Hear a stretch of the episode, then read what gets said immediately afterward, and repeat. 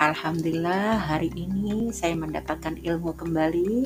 Terima kasih Mas Iman, Mbak Zahra dan juga teman-teman semua yang sudah support dan saling uh, menginspirasi sehingga kita sebagai seorang guru bisa memberikan uh, pembelajaran yang lebih baik lagi tentunya dan juga lebih kreatif lagi sehingga anak-anak mudah untuk menerima pembelajaran yang kita berikan.